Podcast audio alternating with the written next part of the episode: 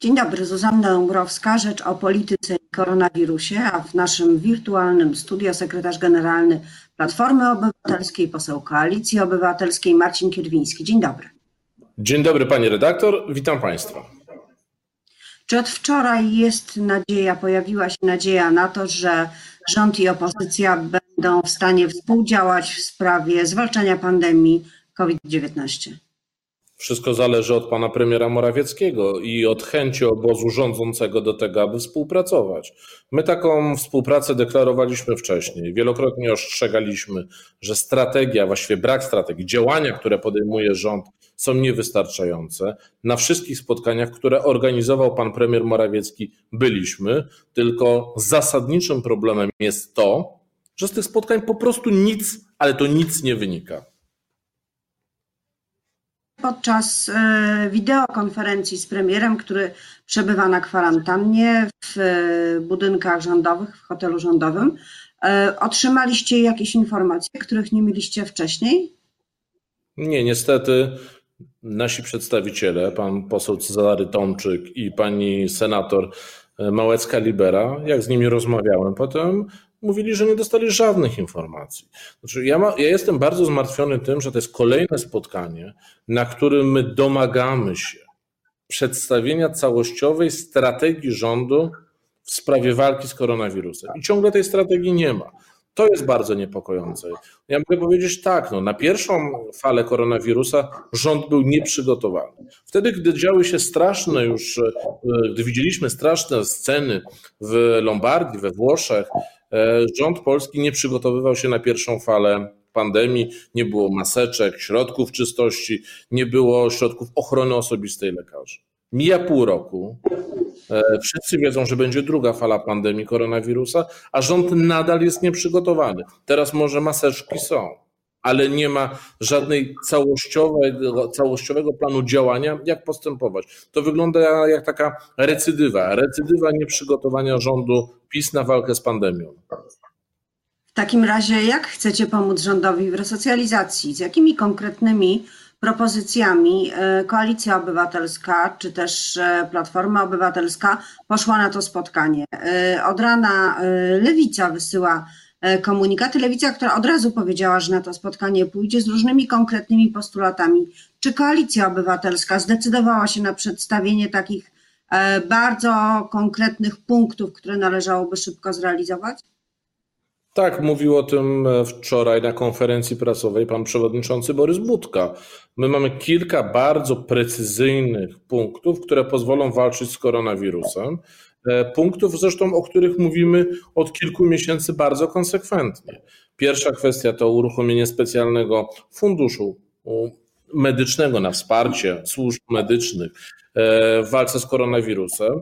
Pieniądze na to naprawdę się znajdą. Jak popatrzymy, że rok do roku wzrastają środki chociażby na kancelarię prezesa Rady Ministrów, to te pieniądze przez jeden rok mogą nie wzrastać. Mogą być przeznaczone na walkę z koronawirusem, mogą być przeznaczone nie na premiera, a de facto na, e, dla Polaków. Ja mówię o jednym z potencjalnych źródeł finansowania. Tych źródeł jest bardzo wiele, e, więc e, taki fundusz postulowaliśmy.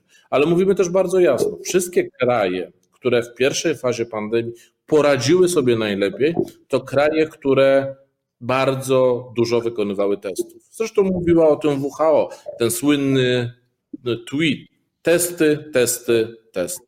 Dziś uważamy, że warunki testowania które zaproponował rząd we wrześniu, są całkowicie nieodpowiedzialne. I celowo używam tutaj słowa nieodpowiedzialne, bo przez miesiąc czasu była taka doktryna rządowa, że testujemy tylko tych pacjentów, którzy mają cztery równocześnie objawy choroby.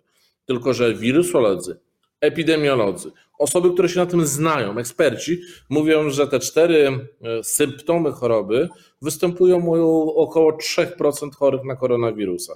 Więc e, ten system, który był e, przyjęty, jest albo systemem, który ma generować oszczędności, a oszczędzanie w czasach pandemii na pewno źle się kończy, albo był głęboko nierozsądny. Więc mówimy 100 tysięcy testów dziennie. Testujmy tak, jak robią to inne kraje europejskie, bo wtedy będziemy mogli szybko wyłapywać osoby chore i y, izolować te osoby tak, aby nie zakażały kolejnych. Tych punktów przedstawiliśmy jeszcze kilka, no, chociażby też większe zaangażowanie e, służb wojewodów w walkę z koronawirusem. Ten pomysł szpitali koordynacyjnych, muszę przyznać, że to jakiś pomysł absurdalny, to taki nieudolny pomysł powrotu do szpitali jednoimiennych. I w tym, w tym pomyśle e, pokazuje się cała strategia tego rządu. Robili szpitale jednoimienne, potem przestali robić, bo uznali, że to zły pomysł, a teraz wracają do tego i to się nazywa szpital koordynacyjny, czyli taki referencyjny poziomu trzeciego. Tylko dlaczego dyrektor szpitala ma koordynować walkę z koronawirusem? Od czego jest wojewoda i jego służby? E, mówi się o tym, że, e, czy opozycja mówi o tym, że rząd zaspał, ale ja e, patrząc na Sejm, cały parlament i Sejm i Senat, pod koniec wakacji, sierpień, początek września, miałam wrażenie, że posłowie e, opozycji też jakby troszkę zaspali. E, widać było, że te limity, które zostały ustalone dla posiedzeń w sali plenarnej, pękają w szwach, że każdy chce usiąść tam, gdzie widzą, widzą go kamery, że posłowie w parlamencie nie noszą maseczek i to nie tylko posłowie Prawa i Sprawiedliwości. Czy nie ma pan wrażenia, że e, wszyscy politycy troszkę uspokojeni y, przeprowadzeniem wyborów prezydenckich, a potem krótkim odpoczynkiem, e, po prostu stracili wrażliwość na to zagrożenie, o którym lekarze mówili cały czas? Ja myślę, że wszyscy, nie tylko politycy, my wszyscy możemy uderzyć się w pierś, że wtedy, gdy skala zachorowań spadła, e, uwierzyliśmy, że wierzyliśmy, że ta druga fala pandemii nie będzie tak ostra, tak dynamiczna, jak ją widzimy teraz. Tak, ma Pani rację. Pod tym względem e, nastąpił taki proces, zresztą naturalny chyba, e, chęci powrotu do normalności po kilku miesiącach jednak bardzo wielkiego reżimu. Też dystansu społecznego, który dotknął przecież nas wszystkich. Wszyscy trochę uwierzyli i chcieli uwierzyć w to, że ta druga fala koronawirusa no, przyjdzie, ale nie będzie tak ostra. Natomiast, e, pani redaktor, jednak e, odróżniajmy dwie rzeczy. Proszę, bardzo proszę. Jedna to jest rzecz takiej chęci powrotu do normalności, która no, która pojawiła się i u polityków, i u wszystkich Polaków, od tego, w jaki sposób przygotowywał nas do tej drugiej fali pandemii rząd, bo te przygotowania tak naprawdę należy ocenić na jedynkę na jedynkę. Oni nic nie zrobili. Nagle dziś okazuje się, że wcale tych łóżek covidowych tak wielu nie ma. Nagle się okazuje, że w wielu miejscach brakuje czynników do testów. Nagle się okazuje, że nie ma szczepionek na grypę, choć wiadomo było, że tych szczepionek potrzebujemy około 7-8 milionów i rząd zaspał. Można powiedzieć, jest takie przysłowie, Polacy dyżurnie mówią, jak spadnie pierwszy śnieg i pojawiają się większe korki, Polacy mówią, zima znów zaskoczyła drogowców. No i można powiedzieć, pandemia znów zaskoczyła rząd Morawieckiego. 17 października to jest data ważna dla Koalicji Obywatelskiej, dla prezydenta Warszawy. Y, start, opóźniony start nowej Solidarności, a może nie będzie żadnego startu, może to nie jest moment na to, żeby powoływać do życia ruch społeczny. Myślę, że to jest dobry moment o tyle, że Polacy y, czekają na ten ruch. Y, wiele, chociażby to, że pani redaktor o to pyta, oznacza, że ten ruch cieszy się zainteresowaniem. Myślę, że ze względu na koronawirusa w najbliższych miesiącach to już nie będzie momentów dobrych, czy też momentów lepszych, bo my pewnie przez, najbliż- przez cały okres jesieni i zimy będziemy walczyć z koronawirusem, ale to nie to nie, nie jest przesłanką do tego, aby zawieszać wszelkie aktywności. Rafał Trzaskowski e, rusza ze swoim ruchem, ruchem, który ma uzupełniać działalność e, partii politycznych po stronie opozycyjnej. Trzymam za niego kciuki. Trzyma pan za niego kciuki jako członek partii politycznej, czy jako obywatel Marcin Kierwiński, który mógłby w tym nowym ruchu na przykład działać? Trzymam jako członek Platformy Obywatelskiej i trzymam jako obywatel. Jest dla mnie rzeczą naturalną, że ruch e, Rafała Trzaskowskiego, który raz jeszcze podkreślę, to zresztą sam mówił pan prezydent Trzaskowski, ma być uzupełnieniem tej oferty po stronie partii opozycyjnych, że ten ruch będzie, w, będzie integrował tych ludzi, którzy nie chcą do partii wstępować. Gdzieś na samym końcu oczywiste jest dla mnie, że w wyborach startować będą partie polityczne. I taka partia polityczna, jak chociażby Koalicja Obywatelska, koalicja partii, czy Platforma Obywatelska z ruchem będzie bardzo blisko współpracowała po to, aby wygrać kolejne wybory. A czy jest możliwa taka e, wyborcza koalicja między partią a ruchem, czyli na przykład co trzecie miejsce na liście jest ofiarowane ruchowi Rafała Trzaskowskiego, Nowej Solidarności, po to, żeby działacze e, lokalni, społeczni z całego kraju mogli znaleźć się na listach, a nie tylko działacze partyjni?